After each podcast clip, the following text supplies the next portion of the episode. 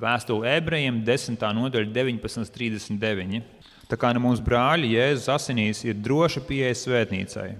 Tas ir jauns dzīves ceļš, ko viņš mums atvērs caur templi priekškaru. Tas ir caur savu miesu. Un mums ir augstais priesteris pār dievu namu.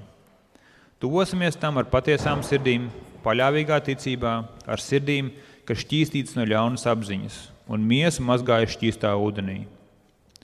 Nelokām paturēsim savas cerības apliecinājumu, jo uzticams ir tas, kas mums to ir apsolījis. Būsim uzmanīgi cits pret citu, rosināsim uz mīlestību un labiem darbiem. Nepametīsim savus kopīgās sapulces, kā tas pie dažiem parasts, bet pamudināsim citu citu vēl jau vairāk, redzot, tojamies to dienu. Ja mēs tīši prāt grēkojam, kad esam saņēmuši patiesības atziņu, vairs nav upuru par grēkiem, bet ir tikai briesmīgi gaidīšana uz tiesu un uguns svēlmi, kas aprīs pretiniekus. Ja kāds atmet mūzes bauslību, tas bez žēlstības pēc divu vai trīs liecinieku liecības tiks nokauts. Kā jūs domājat, cik daudz lielāku atmaksu pelnīs tas, kas minis kājām Dievu dēlu, nav turējis par svētām jaunas darības asinis, ar kurām tas ir šķīstīts, un aizvainojis žēlstības garu? Mēs zinām, ka ir sacīts, man pieder atriepšana, un es atmaksāšu. Un vēl, kungs tiesās savu tautu. Briesmīgi ir krist dzīvā Dieva rokās. Atcauciet atmiņā savas pirmās dienas, kurā jūs, tāpoši apgaismot, pa pilnām izcietāt smagu ciešanu cīņu, gan paši būdam atklāti izsmieti, saņemot naidu un pārdarījumus, gan arī esot kopā ar tiem, pret kuriem tāpat izturējās. Jūs esat cietuši līdz ieslodzītajiem un ar prieku esat uzņēmuši to, ka jūsu manta tika nolaupīta, zinādami, ka jums ir labāka un paliekoša manta. Tādēļ neatmetiet savu paļāvību, tā ir liela alga. Bet jums ir vajadzīga izturība, lai darītam dievu gribu, jūs saņemat to, kas apsolīts. Jo vēl tikai mazliet, mazliet, un tas, kuram jānāk, nāks un nekavēsies. Bet mans taisnais no ticības dzīvos, taču, ja viņš atkritīs, manai dvēselē pie viņa nebūs lapatiks. Mēs neesam tie, kas atkrīt, uz, mēs neesam tie, kas atkrīt uz pazušanu, bet mēs ticam, un mūsu dvēseles būs izglābtas. Tas ir Dieva vārds. Amen. Sveicam Rīgas reformātu draugzē. Šodien mēs ieskatīsimies vēstulē ebrejiem, nevis soļu grāmatā, kā bija solīts, Vēlāk lūkšanās aizlūksim par gulbu ģimeni, par strauju atlapšanu. Un tā iesāksim ar lūkšanu par mūsu gabaliņu no ebreju vēstules.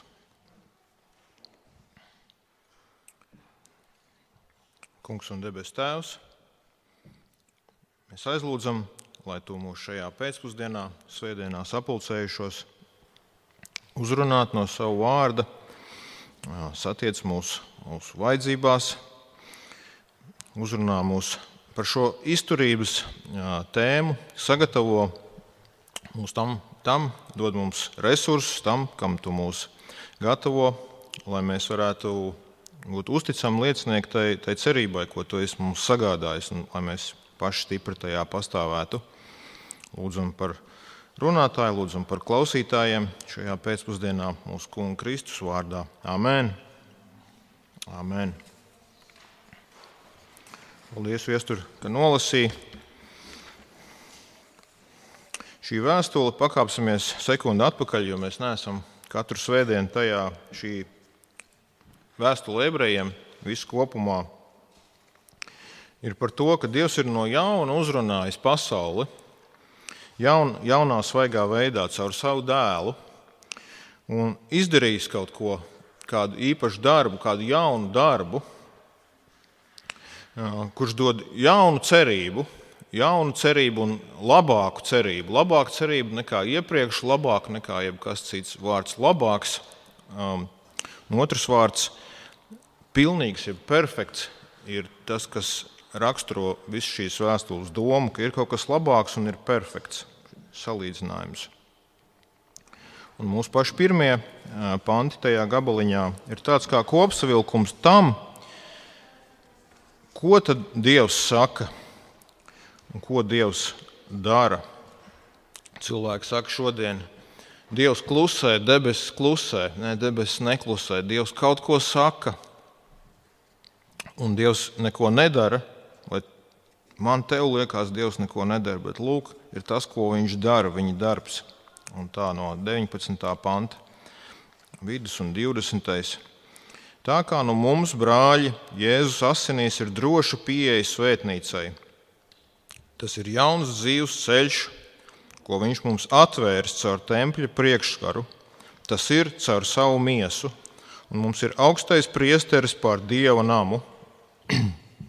Sagādāts jauns dzīves ceļš, tempļa priekšskars ir atvērts, ir pieeja dievam, un ir jauns, labāks priesteris, kas mums bija iepriekšējās tēmas, kurās mēs pakavējāmies. Kāpēc labāks, kā labāks? Nu, lieliski, kaut kas labs, klāt pie daudz kā laba, kas jau ir. Kur tad ir kāds izaicinājums, kur ir, varētu teikt, kā mēs sakām šodien, kur ir problēma? Jums, kristieši, ir kaut kas, eh, kaut kas vēl labs. Nu, ļoti labi. Liksim, liksim to visu klāt mūsu, mūsu kopējā cilvēces pūliņā, meklējumā. Kur ir problēma? Kāpēc mums šīs vēstules autors brīdinošā veidā ar mums runā? Viņš saka, pastāviet šajā ticībā. Kur, kur ir tā problēma, kur ir tā grūtība? Kur ir tā grūtība to apliecināt? 23. pants. Man bija arī tādi punkti, ah, brīnišķīgi. Tie punkti ir šeit, un mēs ieejam šajā pirmajā punktā no 23. Tāda. Tuvosimies tam ar patiesām sirdīm, tam tas ir Dievam, caur šo augsto priesteru, kā mēs tikko lasījām. Paļāvīgā ticībā ar sirdīm, kas šķīstīts no ļaunas apziņas un miesu mazgājas šķīstā ūdenī. Un, un nelokām paturēsim savus cerības apliecinājumu. Nelokām paturēsim, jo uzticams ir tas, kas mums to apsolījis. Kāpēc lai kāds uh, iebilst pret šo jauno dzīvo ceļu, pret kaut ko labu? Un te mēs atgriežamies pie, tā, pie tiem cilvēkiem, kam tas ir sākumā rakstīts. Pie kristiešiem, kas ir no ebreju izcelsmes, kā mēs saprotam, kā, kā nosaukt ir šī vēstule. Un, un kas ir jauni savā ticībā, nesen sākuši sekot karsti un, un, un, un ļoti apņēmīgi, kā mēs tikko lasījām, bet viņi ir līdz šim, viņ, viņ, viņiem ir kārdinājums atkrist atpakaļ tajā ticībā, kas viņiem bija līdz šim. Templis vēl stāv visā savā godībā.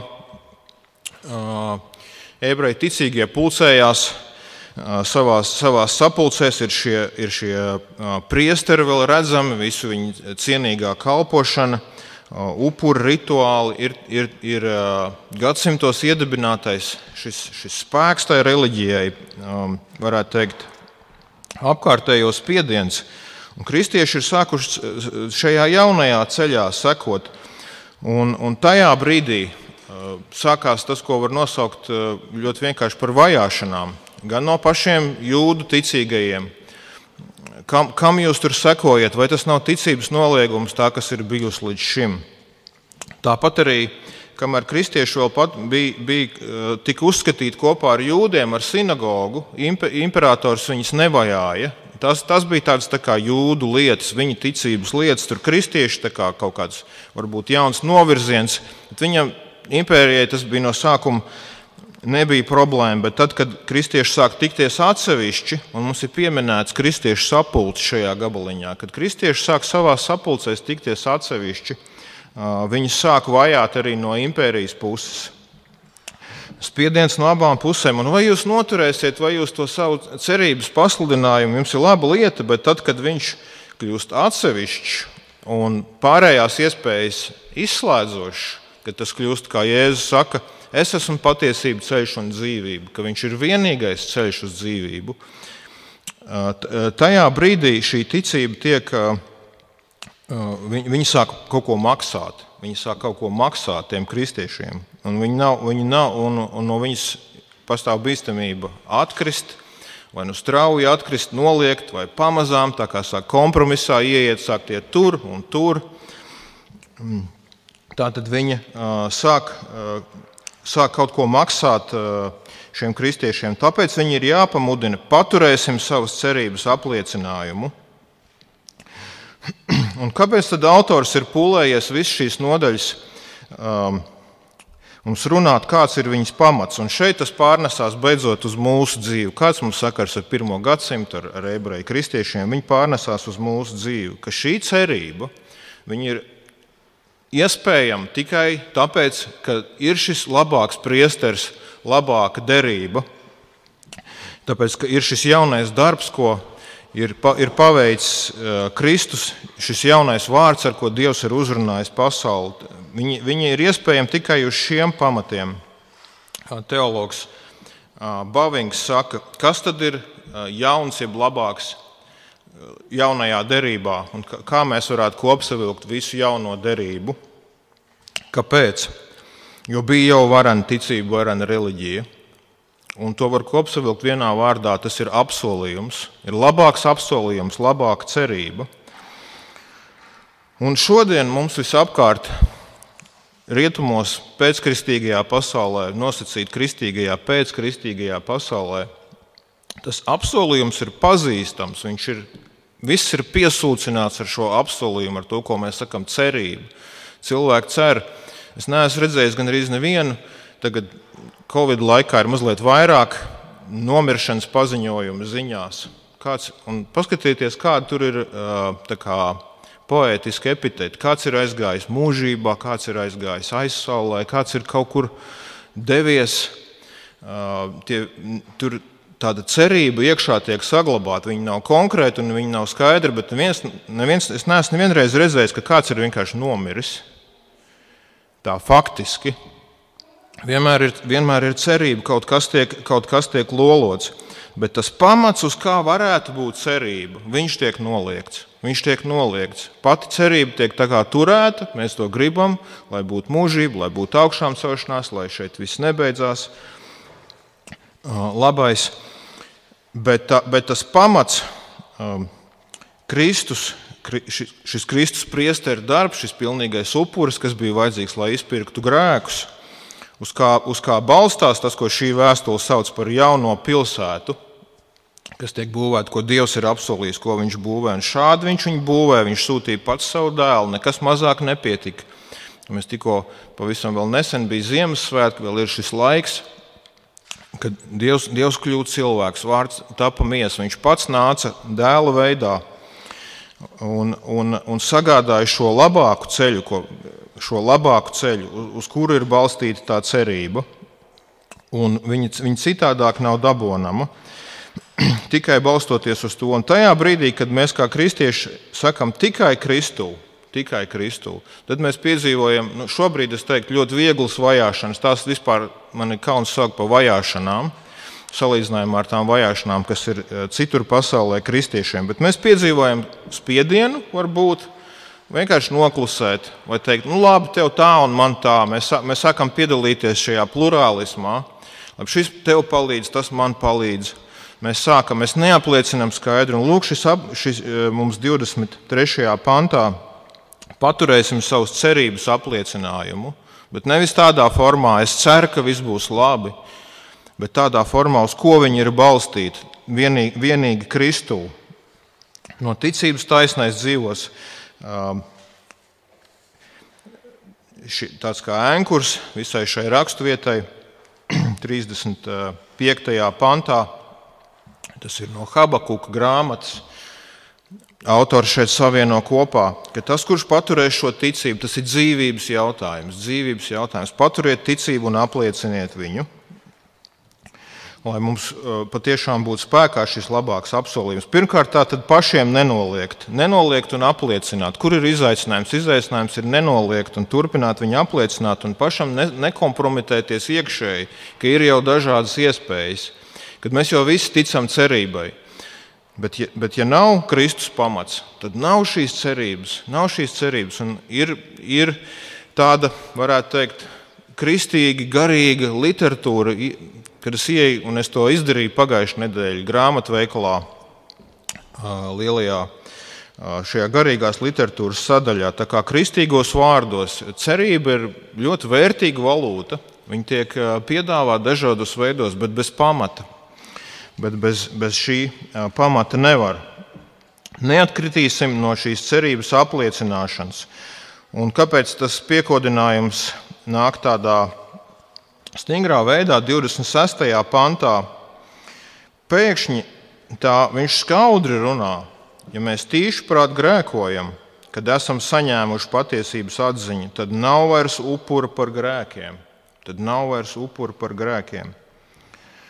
Kad mēs dzirdam, tīši prāt grēkojam, Kas ar, kas ar šo pantu ir domāts? Šoreiz tas nav par visiem iespējamiem citiem grēkiem, pat varbūt par tiem, par ko eh, jūs uztraucaties, vai es uztraucos. Tiem šonadēļas grēkiem vai grēkiem, ar ko mēs cīnāmies. Ebreju vēstulē šajā, šajā tēmā grēks tas ir konkrēts viens grēks, un tas ir atkrišanas no Kristus grēks. Mums liekas, nu, no atkrišanas es esmu ļoti tālu. Lai man piespiest pateikt, ka es esmu musulmanis vai kādā austrumu reliģijā. Nē, nē, nē, skatieties, ja mēs noliedzam šo vienīgo pamatu cerībai Kristū, tad tas ir tāds praktisks noliegums un praktiska grēkošana, praktiska atkrišana. Un ko viņš saka? Tad, mē, ja, tā, tā kā bija šiem pirmajiem klausītājiem, ja viņus vilka atpakaļ pie tempļa, pie tiem upuriem, ja, tur arī bija upuri un sāk uz viņiem paļauties. Man ir nemieris ar Dievu, es gribu to kaut kā risināt, un, un lūk, templī ir šie upuri. Vai ir, ir tātad, piemēram, kārdinājums kādā tā ļoti nomināli kaut kur piederēt kādā varbūt lielā baznīcā, kur ir varbūt grandioza liturģija, un es tur iegūstu mieru, varbūt. Bet šis nav jautājums par mūsu personīgo kā, piepildījumu vai, vai, vai mieru. Šis ir tāds pavisam citādāks jautājums, patiesības atzīšanas vai noliekšanas jautājums. Šeit mēs tiekam brīdināti, ka tad Kristus upuris uz mums vairs netiec, ja mēs paļaujamies uz jebkuru citu pamatu, ja mēs paļaujamies uz citu reliģisku pamatu uz citām reliģiskām pieredzēm. Ja mēs paļaujamies, es domāju, mūsu sabiedrībā, pēc mana vērojuma, vispopulārāko pamatu, kas ir, mēs paļaujamies uz saviem labajiem darbiem. Kad es būšu gana centies, es būšu gana kādam.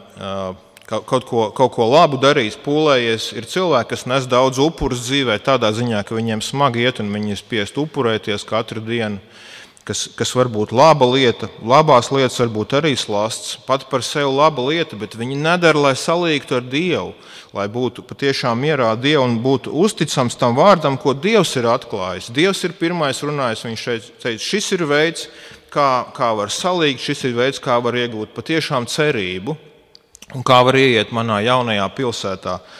Un mums, viņa, mums viņā ticībā jāpastāv, un mēs nevaram paši izvēlēties kā, uz, uz kādiem pamatiem mēs veidosim attiecības. Tāpēc ir derība, kas ir vienpusēja no, dievs, no Dieva puses, kurā mums ir jāatsaucās. Tas būtu praktisks Kristus noliegums. Tad varbūt šis aicinājums turpināt apliecināt, nenoliegt Kristu. Viņš izklausās mums tik tāls, liekas, varbūt, ja es būtu kā misionārs Japānā, varbūt jūs redzējāt filmu klusēšana par šiem misionāriem, kuri tik tiešām pamazām, pamazām salauzt un piespiesti klusēt. No man, es nebūtu klusējis, būtu labāk nomiris. Varbūt. Varbūt mums šīs liekas pietiekoši tāls pārbaudījums. Tas pārbaudījums ir tuvāk. Nenoliegt šo vienīgo pamatu, Dieva sagādāto pamatu, kurš ir brīnišķīgs un vienlaicīgi mums viņā ir stingri jāpastāv. Tāpēc 23. pantā nelokām paturēsim savus cerības apliecinājumu, jo uzticams ir tas, kas mums to apsolījis. Grūtībās, ciešanās, pārbaudījumos paturēsim viņu, no ticības taisnais dzīvos. Tā mēs varam tikai izdzīvot. Neatkrist no, no šī ceļa pārbaudījumu, pārbaudījumu laikā. Un otrais Kā izpaužās šī ticība, no kuras ir dzīvības jautājums, kurā, kurā pastāvēt? Kā viņi izpaužās? Jo kaut arī tas nebija nebūtu mazsvarīgi, ka pirmkārt, kā mēs iekšā ticam, ko es īstenībā tiešām domāju, kas ir vienīgais pamats un kuras nekompromitēja iekšēji. Viņam ir vajadzīga arī ārēja izpausme. Pirmkārt, tā ir, tā ir pavēle, citādāk tā nav ticība, jo viņa neizpaužās šajā veidā. Tad mēs sev mānam, un es domāju, otrs populārākais reālās domas mums visapkārt, un kā mēs paši arī esam ietekmēti domāt, es ticu savā sirdī, un tas ir svarīgākais, kā es ticu savā sirdī. Um, tā tad, nē, ar to nekādīgi nav pietiekoši. Tas, tas, kam es īstenībā ticu savā sirdī, izpaužās tam, kā es īstenībā dzīvoju. Tātad, kā izpaužas šī ticība. Un otrām kārtām tas ir tā salikts kopā, ka citādāk šī ticība nevar izdzīvot. Tā Dievs ir ierīkojis. Mēs esam fizisks iemiesots būtnes, viņai ir jāizpaužās, un tad viņa tiek uzturēta dzīva. Nu, tā tad kā izpaužās šī cerības apliecināšana? Izņemot tos, kurus nosūta uz, uz 16. gadsimta Japānu misijā, un kurus, kurus imperators tiešā veidā nostādina tādā aplī un saka, vai tu, vai tu paliksi tajā aplī iekšā, vai tu izkāpsi ārā. Vai tu gribi mirt, ja tu, nolie, ja tu nenoliec savu ticību, tu mirsi. Izņemot tos, visiem mums pārējiem, um, varbūt kāds arī tiks tā pārbaudīts. Bet visiem mums pārējiem, kā viņi izpaužās šī palikšana ticībā. 24. pantā būsim uzmanīgi cits pret citu, rosināsim uz mīlestību un labiem darbiem. Un 25. nepametīsim savus kopīgās sapulces, kā tas pie dažiem parasts, bet pamudināsim cits citu vēl jo vairāk, redzot, tuvojoties to dienu. Un par divām lietām es šajā, šajā punktā, kā, kā apakšpunktos, par labajiem darbiem. Šajā vēstulē nav pārāk daudz, mēs ieskatīsimies. Tur ir par laulību, par, par, par laulības gultas šķīstību un par svešinieku pieņemšanu un par palīdzību cietumniekiem, kas ir, kas ir domāts tie, kas ir par ticību cietumā. Bet šis ir ļoti praktisks un iemiesots izpausmes, bet galvenais šeit ir tas, ka viņas ir, ka viņas ir fiziskas un iemiesotas, jo ja bija templis iepriekš, Un bija ļoti skaidrs fiziski, kur ir jāiet un kā tas izpaužās. Ja tu tici, tu tajās, tajās dienās, tajā gada laikā devies uz templi, upurēji un tā un tā. Kristietība var kļūt tāda ezotēriska. Nu, es, tā, es ticu sirdī, un kā tas izpaužās? Nu, kā tas izpaužās? Nu, es ticu. Ko, ko tev vēl vajag?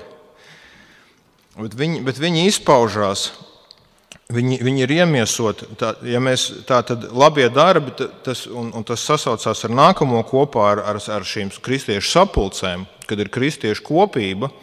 Tas nav kā templis, tas ir citādāk. Kristus tagad ir mūsu templis un upuris. Bet, bet fiziskā izpausme paliek. Tu satiec citus, tu uzzini, kādas viņiem vajadzības. Un tad tu vari darīt tos labos darbus, kas ir pilnīgi nepieciešami, kurā var izpausties tavu ticību, kāpēc tu to dari. Un iedomājieties, ja kāds ir cietumā un par ticību viņš ir cietumā, tas nozīmē, ka sabiedrība uzskata, ka viņš nav, ka viņš nav labs. To ar viņu asociējies, tu viņam aiznes kaut ko pārējais, zini, viņš, viņš ir saistīts ar šo cilvēku, kas, kas mums nav pieņemams. Lūk, arī, lūk, arī vajāšana elements šeit var būt, viņi tiek uzslavēti, ka viņi ir tos vajātos nav aizmirsuši un apmeklējuši viņus cietumā un ka viņiem ir, un ka viņiem ir labie darbi, viņa ticība ir iemiesota. Tik daudz es šajā vietā par to pateikšu. Mēs tajās nodaļās nonāksim 13. uz vēstules beigām. Vairāk būsim uzmanīgi cits pret citu. Tas jau vien nozīmē kristiešu kopību. Viņi nevar būt tikai sirdī. Mums jāstiek citi kristieši. Rosināsim uz mīlestību un labiem darbiem. Tas nozīmē, lai citus rosinātu, mums pašiem ir jābūt tādā apņēmībā. Nav vienalga, ko tu dari, brāli. Man tas uztrauc. Un es ceru, ka citiem uztrauc, man kāds pamudinās, redzēs, ka es nepareizi daru šīs pilnīgi iemiesotās lietas. Un otrais pamudinājums, kas īpaši, manuprāt, trāpa mums šajā situācijā, 25. pantā, nepametīsim savus kopīgās sapulces nepametīsim savus kopīgās sapulces. Viņu bija tas spiediens skaidrs, ja viņi pulcējās kā kristieši, bija, tad viņi varēja tikt vajāti. Mums šķiet, tas tādā veidā uzreiz uh, nevajā. Kristiešu sapulces ir atļautas un, un nav, nav pārāk neieredzētas. Bet mums ir bijusi uh, šajā laikā pavisam cits izaicinājums, ka mēs varam nākt, bet mēs citreiz nenākam. Un es drīzāk pirmkārt gribētu uzteikt jūs, ka jūs esat šeit vai esat pieslēgušies. Viesturs arī pieminēja mums šajos gados šī pieslēgšanās iespēja. Un, pirmkārt, es to novērtēju, viņi ir un par viņu ir. Mēs esam ir daudz, daudz kalpošanas pūlējušies, lai viņas būtu, lai varētu dzirdēt sprediķus. Tas ir, veid, tas ir viens no veidiem, un tas ir vajadzīgs. Bet, bet, bet tas nav pietiekoši. Ir vajadzīgs nākt kopā fiziski, pēc iespējas un būt. Kopā sapulcēties ir vajadzīgs apmeklēt sapulces. Nevaru vēl skaidrāk pateikt, kā tas šeit ir, ir, ir pateikts. Nepametīsim savus kopīgās sapulces.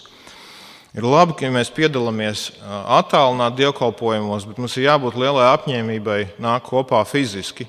Tur tikai mēs uzzināsim, kādas ir citiem vajadzības un izaicinājumi, kā mēs varam darīt labus darbus. Un tas ir, ja runā par apliecināšanu, tas ir veids, kā mēs apliecinām.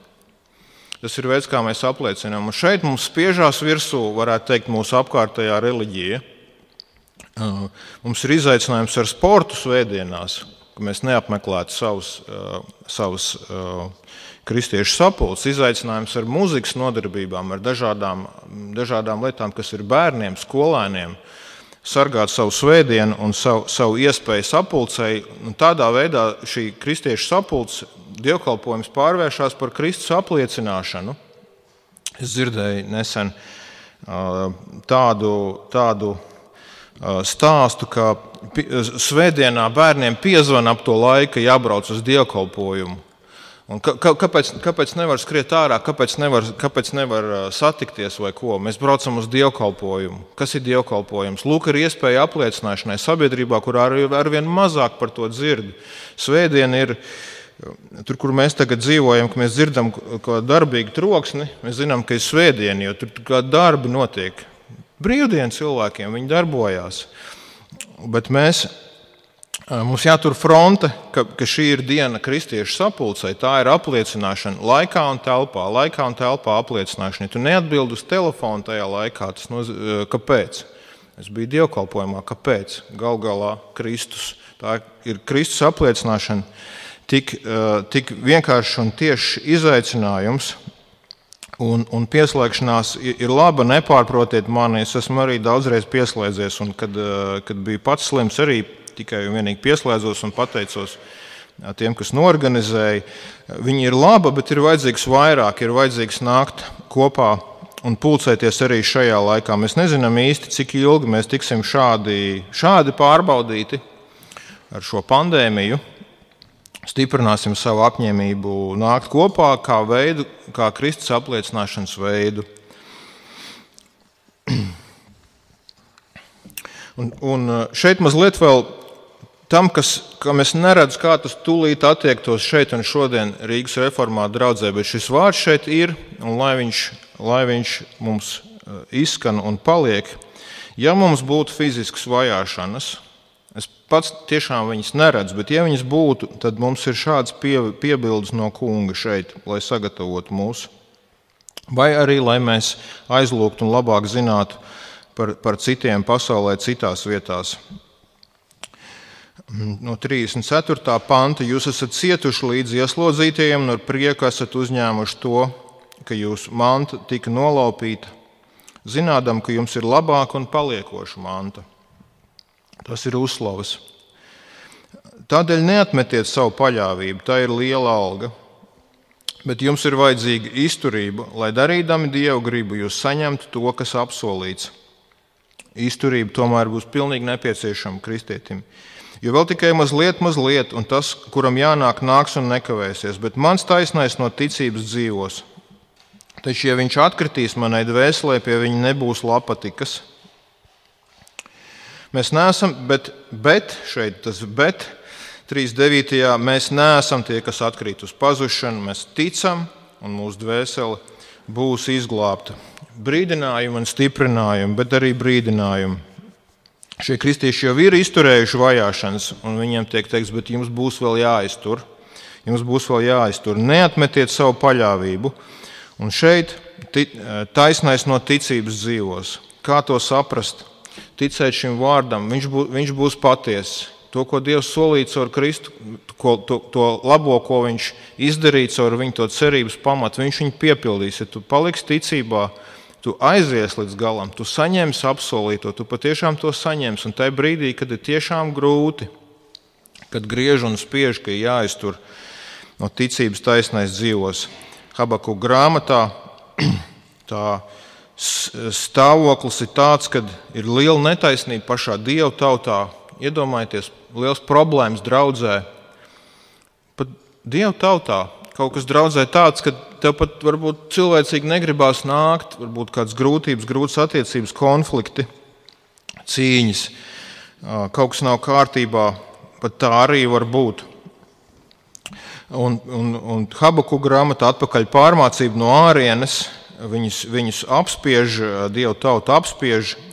Tieši tur ir tāds moments, ka tie pārmācītāji iedomājas, ka viņi ir Dievs, ka viņi ir tik stipri, ka viņi var noteikt, ja viņi tā kā īsti gribētu, viņi to Dievu tautu iznīcināt. Tā viņi iedomājās. Tā ir iedomājušies daudzi pasaules vēsturē. Tā ir iedomājušies daudzi tagad, nu, kad kristieši ir tā tāds pulciņš, kaut kāds interešu pulciņš. Nu, ja mēs tā tiešām īsti gribētu, mēs viņus noslaucītu, nu, lai jau viņi tiekās, mēs esam labsirdīgi, moderni, humanisti, lai viņi tur tiekās. Bet, ja mēs gribētu, mēs viņus noslaucīt, bet Dievs saka, nē, tā, tā, tas, tas absolūti tā nav. Jūs esat pilnīgi nenovērtējiet eh, šo, nenovērtējiet šo pulciņu. Tie ir, tie ir Dievu ļaudis.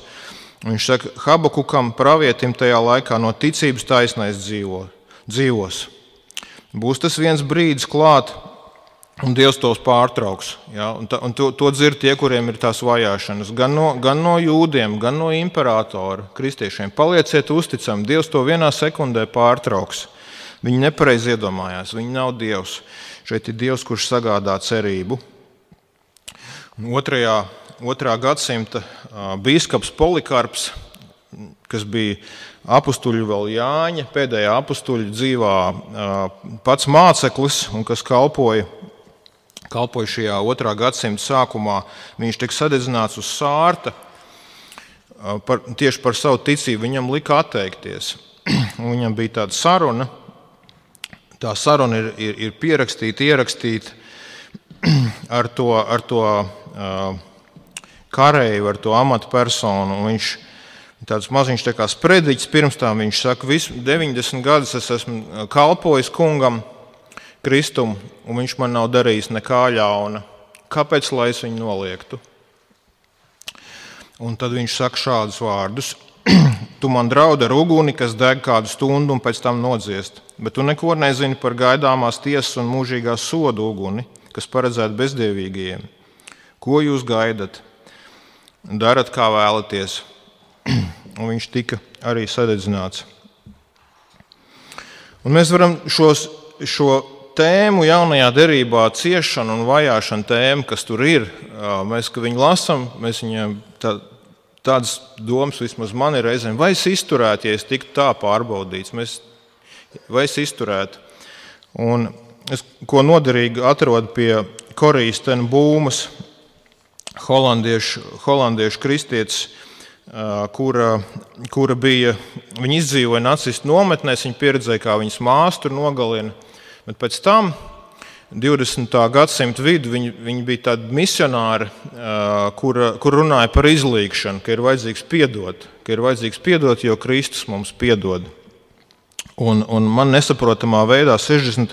gados viņa esot bijusi arī Rīgā un Mateja draudzē runājis. Es nezinu, kā tas ir padomu kontekstā iespējams, bet viņas misija bija braukt, kur vien var, kur cilvēki ir ļoti lielā konfliktā, naidā uzrunāt abas puses un, un aicināt Kristus dēļ izlīgt un piedot. piedot un viņi esat sastapusi šo, šo nacistu kareivi, kas, kas nogalināja viņas māsu un runājusi ar viņu par Kristu un par piedošanu. Es tagad mazliet pat tālu aizrunāju kontekstā, bet viņ, viņai pieder šie vārdi. Kad tu domā, vai tu izturēsi tad, kad būs grūto pārbaudījumu brīdis, bet tas ir tā, kā ar, ar, ar, ar Dievs dara tā, kā vilciena biļete, kur viņš tev iedod tikai tad, kad tev jābrauc tajā braucienā. Tu domā, vai man būs biļete, bet tev, tev nav biļete, bet tev nav biļete tam braucienam, kurā tev nav jābrauc. Bet tad, kad tev būs jābrauc, tad Dievs tev arī dos to biļeti, jeb proti, tad Viņš arī dos to spēku pastāvēt tādā pārbaudījumā. Kas arī nozīmē, ka tam pārbaudījumam, kas mums ir šodien, šonadēļ, Viņš dod mums spēku. Aizlūksim. Kungs un debes Tēvs, es aizlūdzu Tavu palīdzību mums tuvoties tādā un tikai tādā veidā, kā šajos pantos, caur jauno dzīvo ceļu, caur mūsu augsto priesteri Kristu. Un arī tieši tuvoties, nedzīvot, nedzīvot tālu, nedzīvot tādā pasīvā vienaldzībā, bet mēs esam aicināti tuvoties un tādā veidā palikt vienmēr tuvu, kam, kam mēs esam arī radīti un tam mēs esam arī glābti. Un kā arī nepārtraukt apliecināt šo, šo cerību, kas ir, kas ir tevī, apliecināt viņu iekšēji, apliecināt arī uz ārā, kā mēs esam aicināti. Un, un neatmest to paļāvību ne pie kādiem apstākļiem, palīdz mums pastāvēt ticībā, kungs. Tos lūdzu Kristus vārdā. Amen!